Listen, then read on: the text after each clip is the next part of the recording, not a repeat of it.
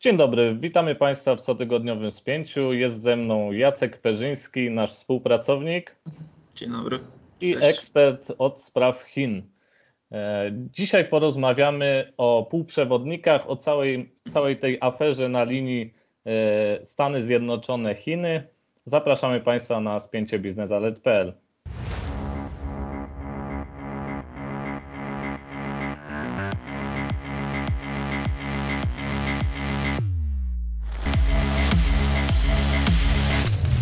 Jacku, w ostatnich latach obserwujemy ten spór o półprzewodniki na linii Chiny-USA. E, czym tak naprawdę są te półprzewodniki? Bo wiemy, że układy scalone e, otaczają nas e, wszędzie dookoła są. Także dlaczego one wywołują tyle emocji? O co jest ta cała afera? Przede wszystkim należy zacząć od tego, że konflikt o półprzewodniki chipy między e, Stanami Zjednoczonymi a Chinami to jest tak naprawdę spór o dominację w świecie technologii, a co za tym idzie o większą kontrolę e, nad e, geopolityką.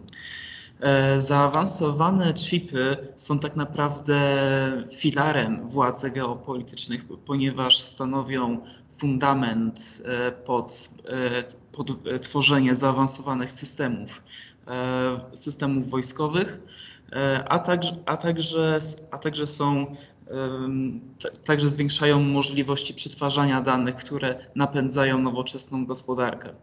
Pozornie półprzewodniki są małym urządzeniem, ale są e, bez, bez tego wiele urządzeń elektronicznych, które na, które na co dzień korzystamy. Komputery, laptopy, iPhony, a pociągi, samochody nie, mia, nie mogłyby w stanie funkcjonować.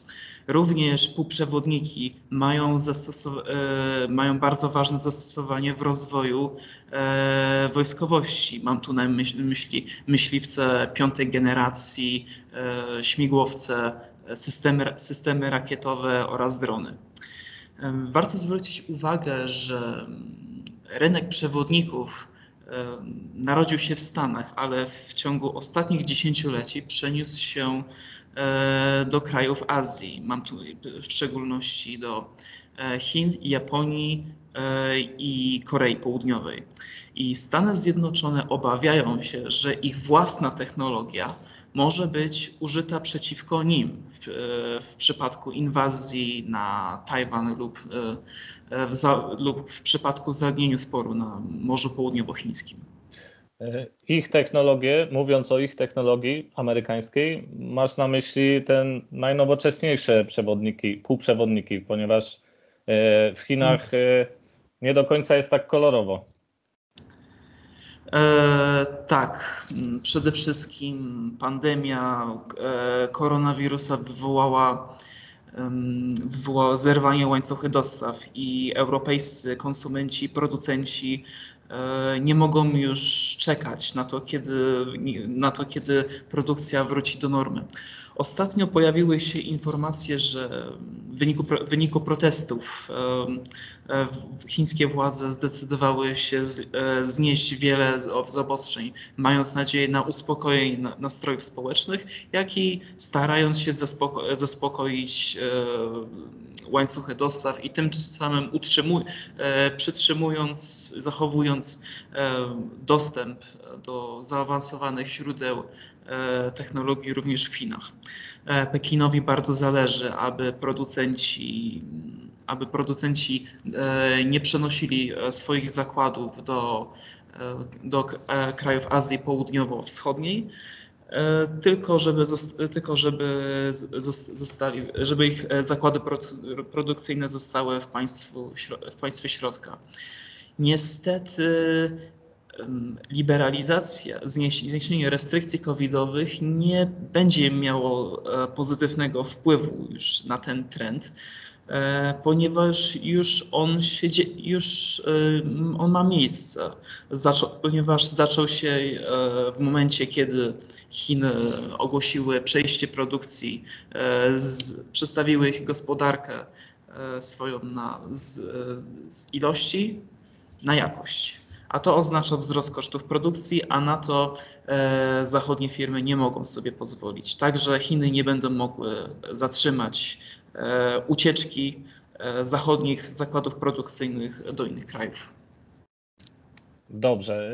Teraz chciałbym, żebyśmy wspomnieli o sankcjach amerykańskich, które też rozprzestrzeniają się na inne kraje i pojawiają się w głowach władz innych mhm. krajów. Mam tutaj na myśli Holandię i Japonię. Ostatnio usłyszeliśmy, że e, te dwa kraje chcą dołączyć do Stanów Zjednoczonych e, w sankcjach i je rozszerzyć. Holandia już wprowadzała te sankcje, ale teraz w najbliższych tygodniach ma być, e, ma być jeszcze ostrzej, że tak powiem.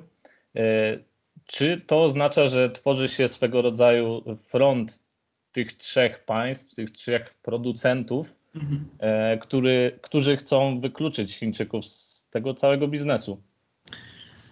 W pewnym sensie tak. W głównej mierze to zjawisko polega na tym, że to Amerykanie przede wszystkim wywierają presję na europejskich i zachodnich producentów, żeby ograniczały lub zerwały współpracę z Chinami ponieważ Chiny obecnie radykalnie zwiększają wydat, wydatki, na, e, wydatki na obronność i istnieje bardzo poważna obawa. E, jak już wcześniej wspomniałem, że, e, że zachodnia technologia zostanie wykorzystana w przypadku inwazji na, w przypadku inwazji na Tajwan.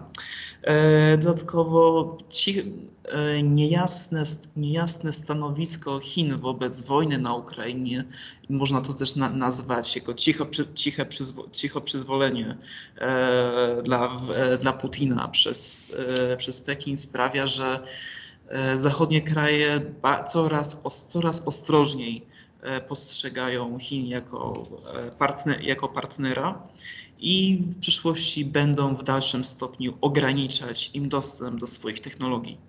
Słyszymy ostatnio przedstawicieli największego producenta w Tajwanie, którzy nie są zachwyceni tymi, tymi sankcjami amerykańskimi.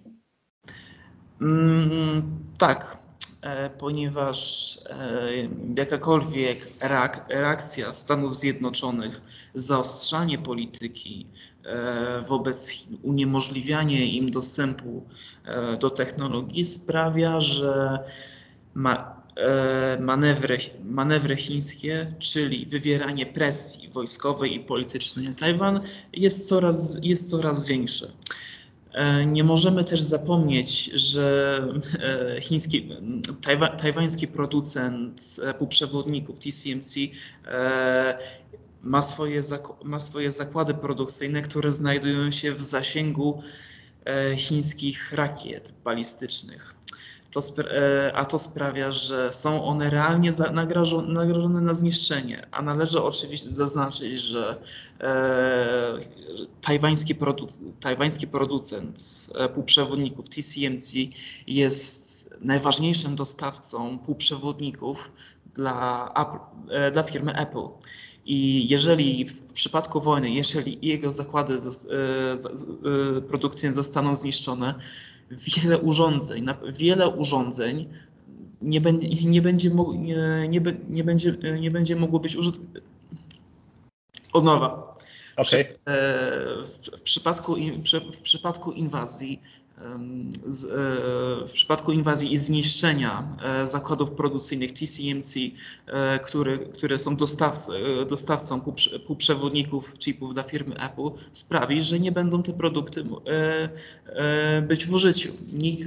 To, to, trochę, to trochę tak, jakby, jakbyśmy mieli samochód, ale nie mielibyśmy silnika. Tak. Słyszeliśmy, że Apple myśli o Wietnamie, żeby tam się przenieść. Mm. Czy to jest możliwe?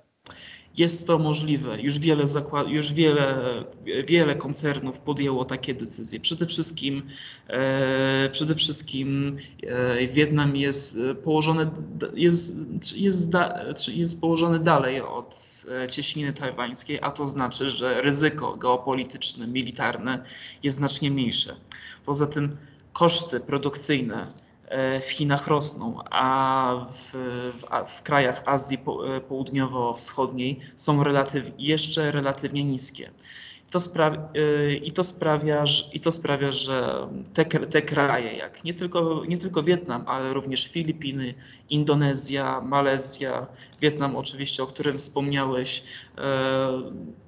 są potencjalnym miejscem dla, do relokowania zakładów, produkcy, zakładów produkcyjnych. Tak więc nieustannie będziemy obserwować ten rejon świata. Być może nie będziemy musieli wyrzucać naszych MacBooków czy iPhone'ów e, do kosza, być może dalej będą. Miejmy nadzieję. Tak. Trzymamy kciuki. Ze mną był e, Jacek Perzyński. Dziękuję Jacku za tę rozmowę. Również dziękuję. Państwa zapraszamy do lajkowania, do subskrypcji i też na naszą stronę internetową, gdzie znajdziecie Państwo treści najnowsze ze świata energetyki i nie tylko.